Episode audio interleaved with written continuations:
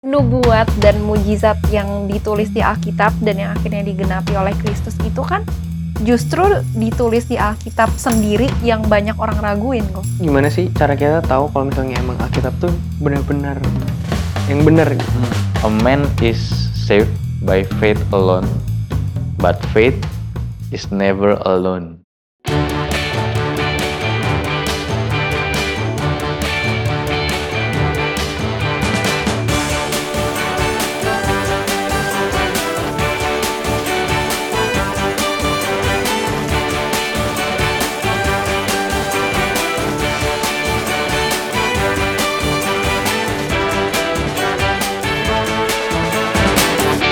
Aku ada temen nih kok eh, kemarin ini sempat kita ngobrol tentang Alkitab. Dia temenku orang Kristen juga. Terus temenku ini tuh bilang dia percaya Tuhan, dia percaya kalau Kristus mati di atas kayu salib untuk menyelamatkan kita. Tapi dia nggak percaya keseluruhan Alkitab gitu. Dia merasa kayak karena Alkitab ditulis dalam rentang waktu yang sangat lama dan oleh sangat banyak penulis, jadi pasti ada error-errornya gitu. Jadi dia merasa nggak valid gitu untuk percaya keseluruhan Alkitab. Aku waktu ngobrol sama dia tuh sedih, kecewa, dan kaget. Tapi aku juga at the same time nggak tahu gimana cara ngomong balik ke dianya gitu. Gimana ya kok kira-kira? Ya, ini sebenarnya satu sisi kita bisa lihat posisinya agak riskan sebenarnya. Iya. Dia satu sisi percaya eh, pada kekristenan, percaya pada Kristus bahkan mati di kayu salib, tapi dia nggak seluruhnya percaya keseluruhan Alkitab iya, ya. heeh. Jadi ada bagian yang dia percaya, ada bagian yang enggak Heeh, gitu ya.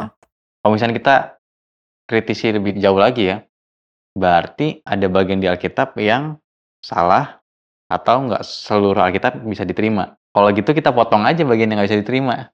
Hmm.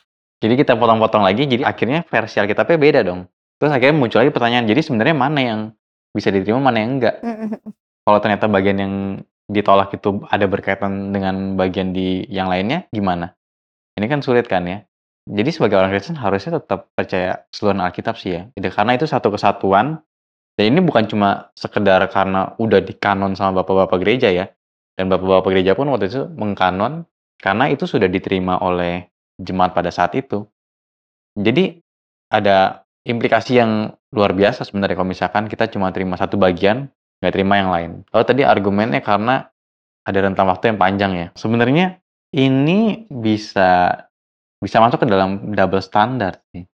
Hmm. Karena tingkat eh, ekspektasi akurasinya dari banyaknya orang yang nulis, panjangnya zaman, tingkat keakuratannya nggak ditujukan seakurat kepada ancient literatur yang lain, ancient text yang lain. Oh. Kan ada selain Alkitab kan ada banyak teks-teks kuno yang lainnya kan. Iya, ya. iya. Ya, di sini kok bisa bacain beberapa datanya ya. Misalkan Plato itu ditulis sekitar 427 sampai 347 sebelum Masehi. Lalu kopian yang paling awalnya itu 900 Masehi. Jadi ini jaraknya eh, Jauh ya. estimasinya ya itu 1200 tahun Mm-mm. dan jumlah kopinya ada 7. Ya, ini seorang Plato yang terkenal itu ya, 7. Ya mungkin kita bisa lihat wah 7 tuh lumayan ya Mm-mm. teks kuno bisa ada kopiannya 7 itu udah lumayan dengan rentang waktu 1200 tahun katanya. Kalau misalkan ada lagi Homer Iliad. Oh iya, aku pernah dengar. Ini kan juga salah satu teks kuno yang terkenal juga kan Iya, ya. heeh. Ini kira-kira tuh ditulis tahun 900 sebelum Masehi. Hmm. Dan kopian yang paling awalnya itu 400 sebelum Masehi. Oh, Maka rentang beda wak- 500 Iya, tahun. Betul betul betul. Rentang waktunya 500 tahun. Nah, jumlah kopinya ini cukup banyak. 643 kopi. Jadi Oh, jauh lebih banyak lagi. dan bahkan iya, 600. iya. Dan bahkan dia melihat ada seorang peneliti yang melihat keakuratan kopiannya itu 95%. Dan sekarang coba kita lihat ya. Kalau misalnya perjanjian baru gimana? Dokumen yang paling penting dong. Ini kan perjanjian baru yang berisi tentang kehidupan Tuhan Yesus, kematiannya dan juga kebangkitannya. Ditulis dari abad pertama ya. Ya, abad pertama. Lalu kopian paling pertamanya kapan ditemukannya? Itu abad kedua. ya. Jadi rentang waktunya kurang dari 100 tahun. Hmm. Jadi jaraknya makin pendek. Nah, kita ambil contoh aja ya. Misalkan, Wadam tulis surat Hmm. ke Jos. Hmm. Iya. Itu tulis suratnya. Surat peringatan ternyata. SP. Peringatan. Surat ternyata surat peringatan. Waduh. Ya, anggaplah surat gitu ya. Surat, lalu 500 tahun kemudian ditemukan ada kopiannya surat nih. Hmm. Dibandingkan dengan 50 tahun kemudian kopiannya. Kamu lebih trust yang mana? Yang pasti 50 Iya. tahun. Yang lebih dekat kan ya? Iya. Iya. heeh. Semakin dekat dokumen dari yang asli dengan yang kopiannya, Makin akurat. margin of error-nya makin dikit Iya, dong, ya kan iya, ya? iya. Nah, dibandingkan dengan tadi ya, misalkan Plato itu 1200 tahun, Homer Iliad itu 500 tahun, perjanjian baru kurang dari 100 tahun, Hmm. ya. Lalu jumlah kopinya ada berapa? 5.600. Wah. Ada 5.600. Ini kan jauh melebihi Heeh. gitu ya, Neh. Dan keakuratan kopinya 99,5%. Wow. Hmm. Kenapa nggak langsung 100 Iya, ya? kenapa nggak langsung 100? 0,5-nya apa gitu ya? 99,9 gitu. Nah, itu bagian yang menarik yang menarik yang kayaknya kecil tapi itu jadi pergulatan, Oh, perdiskusian dan juga perdebatan banyak. Ya, mungkin satu waktu kita di episode yang lainnya mungkin bisa bahas ya. 0,5-nya nih apa aja nih gitu kan ya. Tanya langsung ke Dikit Iya, banget ya iya. padahal Iya. Iya. Jadi dari banyaknya kopi ini eh, terus rentang waktu yang lebih sedikit, tapi kayaknya tuntutan keakuratannya kok kayaknya nggak sebanding ya. Nah, Hmm. ya mungkin wajar ya mungkin ada orang yang bilang ini kan kitab suci ini kan dampaknya sangat besar gitu ya pada kehidupan maka harus dituntut keakuratannya gitu ya oke kita sama-sama setuju tetapi ya sekali lagi bukan berarti kalau misalkan rentang waktunya panjang antara satu penulis dengan penulisan yang lain atau kopian yang satu dengan kopian yang lain itu artinya kita nggak bisa terima lalu pasti ada errornya dan karena error tersebut kita nggak bisa langsung terima Hmm. nggak langsung relevan buat kita, nggak perlu kita pakai lagi. Karena toh kenyataannya dokumen-dokumen yang lainnya yang lebih sedikit kopiannya, tentang waktunya lebih panjang, itu orang masih pakai. Tapi emang dokumen, maksudnya kan nama-nama kayak Plato, kayak Iliad aja tuh aku pernah dengar gitu kan ya. kok. Emang relevansi mereka ke sekarang tuh apa sih sebenarnya? Aku pernah baca tuh, kayak misalnya si Iliad itu sebenarnya dia jadi fondasi dari literatur barat. Oh, Nah, kalau Plato tuh dia jadi membahas konsep tentang keadilan gitu. Dan ada lagi ada yang lagi yang lain kayak misalnya Aristotle. Nah, Aristotle tuh dia jadi ethical decision making gitu-gitu. Dan kalau misalnya ada satu lagi namanya Herodotus, dia tuh em, cerita tentang sejarah tentang Persian Wars gitu. Oh, jadi emang sebenarnya sampai sekarang ada aplikasinya ke dalam kehidupan kita. Tapi jadinya kayak masa sih mereka yang ko- apa sih akuratnya apa ya validitasnya atau apa ya? Iya, kalau misalnya dari data yang tadi kita baca ya, Heeh. kalau mereka aja toh masih diterima sampai Iya, sekarang, masa Alkitab. ya kenapa Alkitab jadi seakan-akan nggak boleh kayak gitu? Hmm, itu Kok double standar? standards-nya di sana. Iya, ya. iya, iya. Karena kalau Alkitab nggak diterima, berarti fondasi literatur sekarang Nah. ini ethical decision making segala juga mana fondasinya gitu Iya, ya iya, ya iya. sih make sense sih. Ya kalau misalnya kita berbicara tadi ya tentang nggak terima karena perbedaan jarak waktu yang segitu panjangnya gitu ya. Ya sekali lagi kalau misalnya kita bandingkan dengan teks-teks kuno yang lainnya, ini lebih reliable, Mm-mm. kopiannya lebih banyak, rentang waktunya lebih dikit Hmm. gitu ya. Dan keakuratannya pun sudah diuji gitu. Tadi kan keberatan dari temannya Tania kok. Sekarang dari aku sendiri nih. Hmm. Nah, aku ketemu nih perbedaan nih. Misalnya dari Yakobus tuh iman tanpa perbuatan. Nah, tapi kalau dari Paulus perbuatan tidak bisa kasih kita iman. I see. Oh. Ini ini berarti kamu kan kalau tadi ada keberatan dari sisi tentang waktu yang panjang. Kalau misalkan di sini dari Isi Alkitabnya Alkitab, sendiri, iya. Alkitabnya kok Beda ada gitu. yang beda ya. Kayak apa tradisi? Yang satu sisi Paulus bilang kamu nggak bisa dengan perbuatan-perbuatanmu akhirnya mendapatkan keselamatan, mendapatkan iman gitu ya. Dan sisi yang lain iman tanpa perbuatan mati. Mm-mm. Jadi sebenarnya iman atau perbuatan. Nah, sebenarnya ini dua hal yang berbeda, bukan kontradiktif. Mm-mm. Paulus itu sedang ngomongin kita ini orang yang beriman, ya. Tapi kalau kita mau dapatkan keselamatan, ada part iman nggak ada. Mm-mm. Tapi bukan karena perbuatan-perbuatan kita. Sekarang iman itu dapatnya dari mana sih? Dari Tuhan. Dari Tuhan ya. Iman datang dari Tuhan. Mm-mm. Oke. Karena datang dari Tuhan, berarti iman ini apakah karena saya yang beriman, lalu akhirnya saya percaya pada Tuhan, atau saya sendiri bisa beriman dan percaya kepada Tuhan itu pun karena anugerah Tuhan. Karena anugerah Karena Tuhan. anugerah Karena Tuhan. anugerah Tuhan. Kalau gitu di mana bagian perbuatannya? Hilang. Nggak ada. Iya nggak ada. ada. Nah, tapi di sisi yang lain, Yakobus bilang iman tanpa perbuatan mati. Nah, ini kan yang kesulitannya kan ya. Mm-mm. Nah, soalnya yang tadi yang Paulus itu berbicara mengenai keselamatan. Kalau kamu mau selamat, itu bukan karena kamu berbuat sesuatu, Tapi karena karena kamu pun beriman dapat dari Tuhan. Hmm. Oh. Iya, oke. Lalu bagaimana dengan yang tadi di- yang di Yakobus? Heeh. Setelah kamu selamat dan kamu adalah orang yang beriman, iman itu tidak mungkin muncul tanpa perbuatan. Jadi ini kayak mereka bahas di Oh. dua titik progres iman yang berbeda gitu Hmm, ya. Iya, Oh, yes, iya, iya, yes, iya, yes. iya, Itu iya. di dua hal yang berbeda. Yang satu Hmm. mau men- untuk berbicara mengenai keselamatan, yang satu lagi berbicara mengenai bukti sebagai orang yang sudah diselamatkan. I Oh, see. make sense, make sense. Iya. Ini ada satu kutipan menarik ya. Di kelasnya Pak David, Pak David pernah bilang, "A man is saved by faith alone, but faith is never alone." Wih. Ini Wih, kutipan dari juga. reformator kalau nggak salah. Kok agak lupa namanya siapa ya. Nanti mungkin bisa ditambahin lagi di sini. Kalau misalnya kayak gitu-gitu mungkin harus lebih jeli ya kalau untuk baca Alkitab dan Iya, nyadar. Nah, iya. ini ada satu lagi nih yang mungkin kalau abis baca terus ngeliat, oh kok kayaknya Jeli bedanya juga gitu. nih Joshua Hmm. baca Alkitabnya. Ada di Matius 5 Wah, ayat- langsung eh, spesifik Matius 8 ayatnya loh. Kayaknya Dan- mau masuk sekolah teologi dan Lukas 7. Nah, kalau di. Matius 8 itu dibilang perwira datang minta Tuhan sembuhin hambanya. Kita buka di dulu rumah." gimana ya? Kita baca Boleh. dulu. Oh Buka dulu iya. Di Matius 8, aku baca di ayat 5 ya. Ketika Yesus masuk ke Kapernaum, datanglah seorang perwira mendapatkan dia dan memohon kepadanya. Tuan, hambaku terbaring di rumah karena sakit lumpuh dan ia sangat menderita. Yesus berkata kepadanya, aku akan datang menyembuhkannya. Oke. Oh, oke coba aku baca Lukas 7 ya. Ya kelihatan sih bedanya. Setelah Yesus selesai berbicara di depan orang banyak, masuklah ia ke Kapernaum.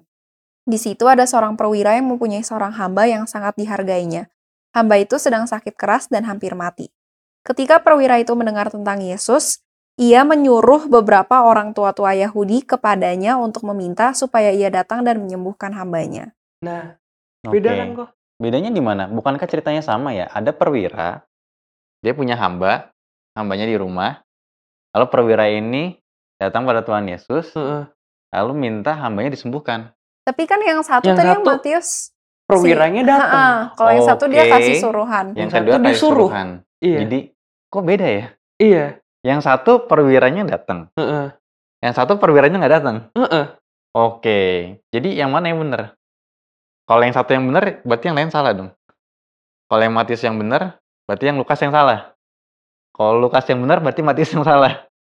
Gimana kalau itu kayak kiasan gitu? Iya. Yasan. Gimana kalau kayak sebenarnya si perwiranya itu nggak beneran datang, tapi karena dia atasan, jadi suruhan yang dia kirim iya. tuh kayak atas nama gue gitu. Heeh. Nggak tahu sih Hmm. ini ngasal dong.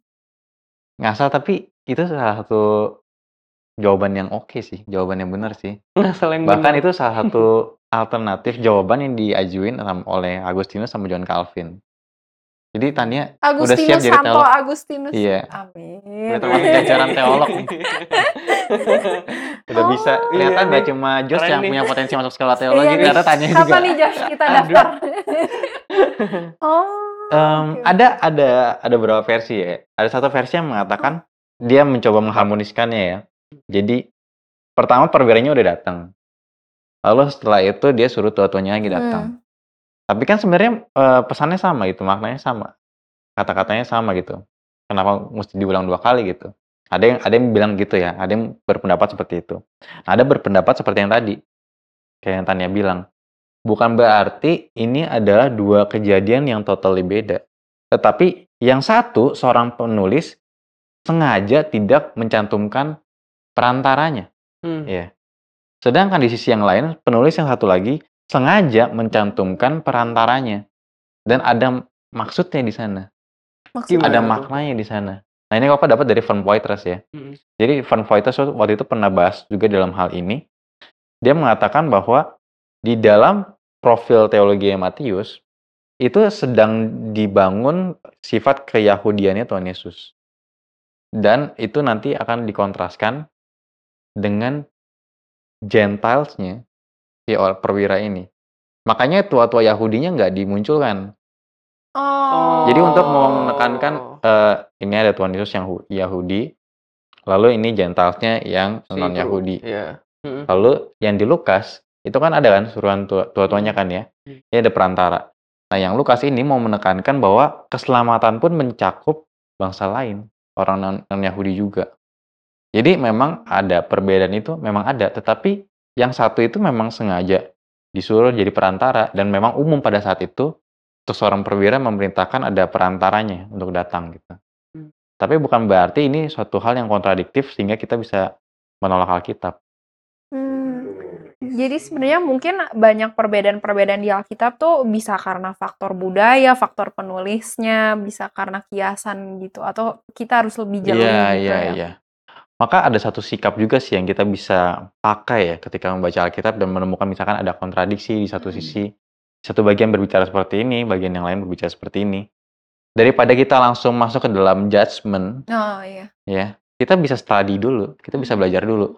Karena ini suatu tradisi yang panjang. Pak Jimmy bilang, kekristenan itu suatu tradisi yang ribuan tahun. Mhm. Yang baca Alkitab kayak kita ini nggak cuma kita. Mmm. Udah jutaan orang kali yang baca Alkitab bagian yang sama dan menemukan perbedaan yang kita juga temui gitu. Mmm. Mmm. Dan sudah ada komentator, penafsir-penafsir, teolog-teolog yang sudah menggumulkan bagian ini dan mendapatkan jawabannya atau alternatif pandangannya. Dan Mmm. kita bisa belajar dari mereka. Maka ketika kita menemukan hal itu ya, kita bisa coba tahan dulu judgement-nya. Justru kita coba yuk pelajari. Sebenarnya kayak apa sih? Setelah kita coba pelajari pandangan ini, pandangan yang lain, baru kita coba bisa lihat maknanya sebenarnya apa sih? Kenapa sih bisa beda? Mmm. Oh, jadi sebenarnya mungkin firman Tuhannya sendiri tuh selalu benar, tapi kitanya sebagai manusia yang emang terbatas gitu kali ya, kok? Iya iya iya. Kita kan nggak mungkin di posisi Tuhan ya. Mhm. Kita ini manusia yang terbatas pandangannya. Maka kita butuh orang lain juga untuk membantu kita melihat Alkitab. Salah satunya melalui komentari, penafsir-penafsir. Atau teolog-teolog yang lain gitu. Yang sudah secara serius menggumulkan dan studi bagian tersebut. Dan kita bisa belajar dari mereka. Tapi kok aku jadi penasaran deh, gimana dengan budaya-budaya yang ada di Alkitab tuh yang udah nggak kita praktekin sekarang gitu? Misalnya dulu kan orang Israel, cowok harus jalan duluan, baru belakangnya cewek. Atau misalnya mungkin kayak budaya perang yang bunuh-bunuhan gitu. Itu kan menunjukkan kalau misalnya banyak kejadian-kejadian di Alkitab yang sekarang udah nggak relevan dengan kehidupan kita kan, kok? Perbedaan budaya sih pasti ada ya. Iya. Karena kan ini jarak waktunya aja udah beda banget gitu loh. Nggak usah ngomongin budaya, bahkan bahasa pun di dalam Iya kehidupan sih. kita ya. Iya. Itu pun udah beda. Bahkan dalam nggak usah langsung dari 100 tahun yang lalu. Mmm. Dari misalkan 50 tahun yang lalu aja kita tahu di Indonesia ada ejaan lama kan. Iya. Iya. Ya. Iya iya. Dan sekarang itu udah nggak kita pakai lagi kan ya. Mhm. Dan dalam perbedaan bahasa itu kan, ya kita perlu belajar untuk misalkan di dalam teks ejaan lama, tulisan itu maknanya apa? Mhm. Mungkin sekarang udah beda nih maknanya. Mhm. Nah, sama juga dengan budaya misalkan yang di perjanjian lama nggak berlanjut di perjanjian baru. Karena memang ada hukum-hukum di perjanjian lama yang tidak diteruskan. Misalkan contohnya, kita nggak datang lagi ke bait Allah, nggak ada lagi imam, nggak ada lagi korban yang disembelih. Iya iya. Kita nggak lakukan itu. Karena apa? Salah satu faktor utamanya adalah karena itu sudah digenapi di dalam Kristus. Mmm. Mmm. So buat apa lagi kita lakuin gitu. Lalu ada juga memang yang Tuhan berikan khusus untuk bangsa Israel pada saat itu.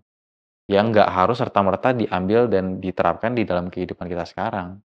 Jadi memang ada bagiannya ya, nggak semua mencelak-mencelak kita ambil gitu. Mmm. Jadi pasti emang ada beberapa bagian yang udah nggak relevan gitu ya? Iya iya iya. Nih, tadi kan kita udah bahas nih kok, eee, pertanyaan-pertanyaan perbedaan Alkitab, terus jawaban-jawabannya gimana. Nah, sekarang tuh gimana sih cara kita tahu kalau misalnya emang Alkitab tuh benar-benar yang benar gitu? Hmm. Bener-bener yang bener. Benar-benar Iya. benar. Iya, Iya. bener-bener bener. Bener-bener Betul betul betul. ya, Alkitab ini salah satu argumen yang cukup terkenal adalah ditulis oleh 40 penulis dengan Mmm. berbagai bahasa, latar belakang di negara yang beda-beda, Mhm. tentang waktu yang panjang, tetapi mereka sama-sama mempunyai benang merah yang sama dan inti yang sama. Dan itu salah satu hal yang kok bisa ya? Padahal mereka kayak nggak mungkin ini jarak rentang waktunya tuh bedanya jauh. Masakah mereka janjian eh nanti lu berapa ratus tahun lagi nulisnya kayak begini ya. Iya sih. Iya. Lalu bener. jadi satu kesatuan gitu. Tapi kok aku penasaran deh, karena aku kan udah maksudnya beberapa kali nih baca misalnya Alkitab dari awal sampai akhir. Dan aku udah tahu nih, dari dulu udah dengar kalau katanya Alkitab itu intinya sama semua. Tapi pas aku baca kok aku nggak merasa semua intinya sama gitu ya kok kayak ada bagian yang bahas tentang emang membahas tentang keselamatan yang kita dapatkan dari karya Kristus, tapi ada juga yang kayak Amsal gitu yang aku nggak tahu hubungannya apa sama karya keselamatan gitu. Itu Hmm. gimana kok? Hmm. Inti dari seluruh Alkitab ini adalah tentang Kristus. Eh, Iya. Tapi benang merahnya adalah kerajaan Allah. Ini Koko dapat dari Pak Agus Marjanto ya. Waktu itu di kelas. Dan apakah seluruh bagian Alkitab itu berbicara mengenai keselamatan? Enggak juga. Tetapi kita bisa lihat rangkaiannya salah satunya dari perspektif kerajaan Allah. Dan kalau misalkan di dalam kitab Lukas ya, ketika Tuhan Yesus menampakkan diri kepada Petrus ketika perjalanan ke Emmaus itu, Mhm. Tuhan Yesus menunjukkan bahwa di dalam kitab-kitab Taurat dan para nabi itu semua merujuk kepada Tuhan Yesus. Dan sebetulnya itu memang ada gitu. Jadi di dalam perjanjian lama banyak bayang-bayang Kristus. Aku ambil contoh deh, Daud. Daud itu sering kali dipakai menjadi gambaran kita. Oh, jadilah seperti Daud yang melawan Goliat. Ketika ada masalah yang besar di hadapanmu, maka engkau percaya kepada Tuhan, bersandar pada Tuhan, bisa mengalahkan Goliat seperti Daud mengalahkan masalah-masalah besar tersebut. Kadang-kadang itu kan yang bisa kita dengarkan ya. Tapi ternyata posisi kita bukan di Daud. loh. Posisi kita itu di bangsa Israel yang nggak ngapa-ngapain, tapi ternyata tiba-tiba muncul satu orang jadi penyelamat mengalahkan musuh. Ini kan gambaran keselamatan sebetulnya. Kita ini orang yang sebetulnya nggak bisa buat apa-apa, diejek-ejek sama iblis, Hmm. tapi ternyata tiba-tiba muncul satu orang dan dia mengalahkan musuh tersebut dan karena dia menang kita ikutan menang. Jadi tersirat gitu ya kok kadang Iya. intinya. Sama kayak misalkan perjalanan bangsa Israel keluar dari tanah Mesir. Heeh, heeh. Itu juga ada alusinya kepada bayang-bayang Kristus gitu. Bagaimana Musa banyak sekali gitu alusi-alusi lepas daripada Mesir seperti lepas daripada perbudakan dosa. Setelah lepas dari perbudakan dosa itu diselamatkan. Apa usaha bangsa Israel supaya mereka diselamatkan? Nggak ada. Apakah mereka menyusuri Laut Merah itu dikatakan usaha mereka? Enggak dong, pasti highlightnya kita ngelihat gimana laut itu terbelah Hmm. gitu kan ya. Ah, iya, Dan iya. siapa yang belah? Tuhan. Tuhan. Gitu, bukan bangsa Israel. Dan ketika mereka lewat, itu Tuhan yang pimpin. Itu Tuhan yang kasih jalan. Tapi tadi kok kasih contoh dari bagian Alkitab yang memang ada. Mesti bilang masih ada Tuhannya gitu. Tapi kalau misalnya kayak dari kitab Esther, itu kan Hmm. nggak ada sebut nama-nama Tuhan sama sekali kok. Ini di kitab Esther menarik sih, itu salah satu kitab yang memang nggak ada kata Tuhannya. Tetapi justru di sana kita mendapatkan makna yang menarik. Maknanya adalah ketika nggak disebutkan, justru kita kayak mencari gitu. Kok nggak ada ya? Tetapi ternyata di dalam kitab Esther banyak yang katanya kayak kebetulan-kebetulan. Kok bisa ya raja tiba-tiba nggak bisa tidur terus buka bagian satu Hmm. bagian teks Oh iya benar juga. ketika dia buka bagian teks pas lagi ngomongin ini ngomongin tentang Iya kebaikan sih. yang Mordekai pas momennya sebelum Mordekai mau kena hukuman kok bisa Hmm. pas semuanya ya peruntutannya kok bisa semua kebetulan terjadi kayak ada yang plan ya Hmm. Ya, karena memang Tuhan bekerja di balik layar pada saat itu I Hmm. dan sering kali juga di dalam kehidupan kita kayak gitu loh yang kita anggap kalau Tuhan kerja gimana sih? Oh, kalau misalkan Tuhan bekerja itu, kalau misalkan tiba-tiba ada kejadian yang spektakuler terjadi dalam kehidupan kita. Hmm. Tapi kita mungkin kadang-kadang juga nggak sadar ya, Tuhan tuh bisa juga kerja lewat hal-hal yang kita rasa mungkin natural gitu. Tapi Tuhan tuh Hmm. juga tetap bekerja di sana. Nah, kayak gitu juga di dalam kitab Esther ya. Satu gambaran yang indah sih di dalam kitab Esther itu kayak nggak ditunjukkan, tetapi dengan tidak ditunjukkan itu semakin meng-highlight ternyata Tuhan bekerja luar biasa. Iya. Hmm. Dampaknya apa sih dalam kitab Esther yang kita bisa lihat?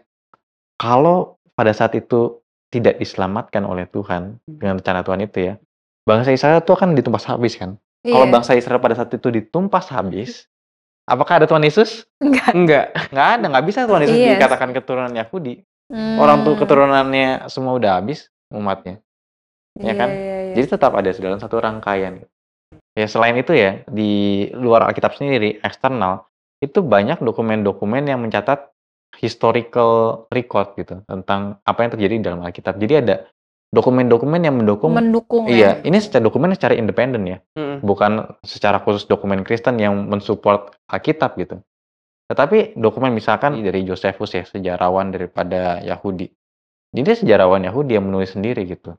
Lalu ada juga sejarawan Romawi juga yang lainnya yang juga menuliskan tentang penderitaan orang Kristen, penderitaan orang Kristen mula-mula gitu. Yang dianiaya oleh Nero.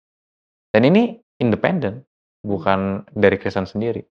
Jadi ini semakin mendukung ya bagian tersebut gitu. Hmm. Itu ada lagi bukti eksternal. Hmm. Lalu ada juga bukti internal. Nubuat-nubuat yang digenapi ya.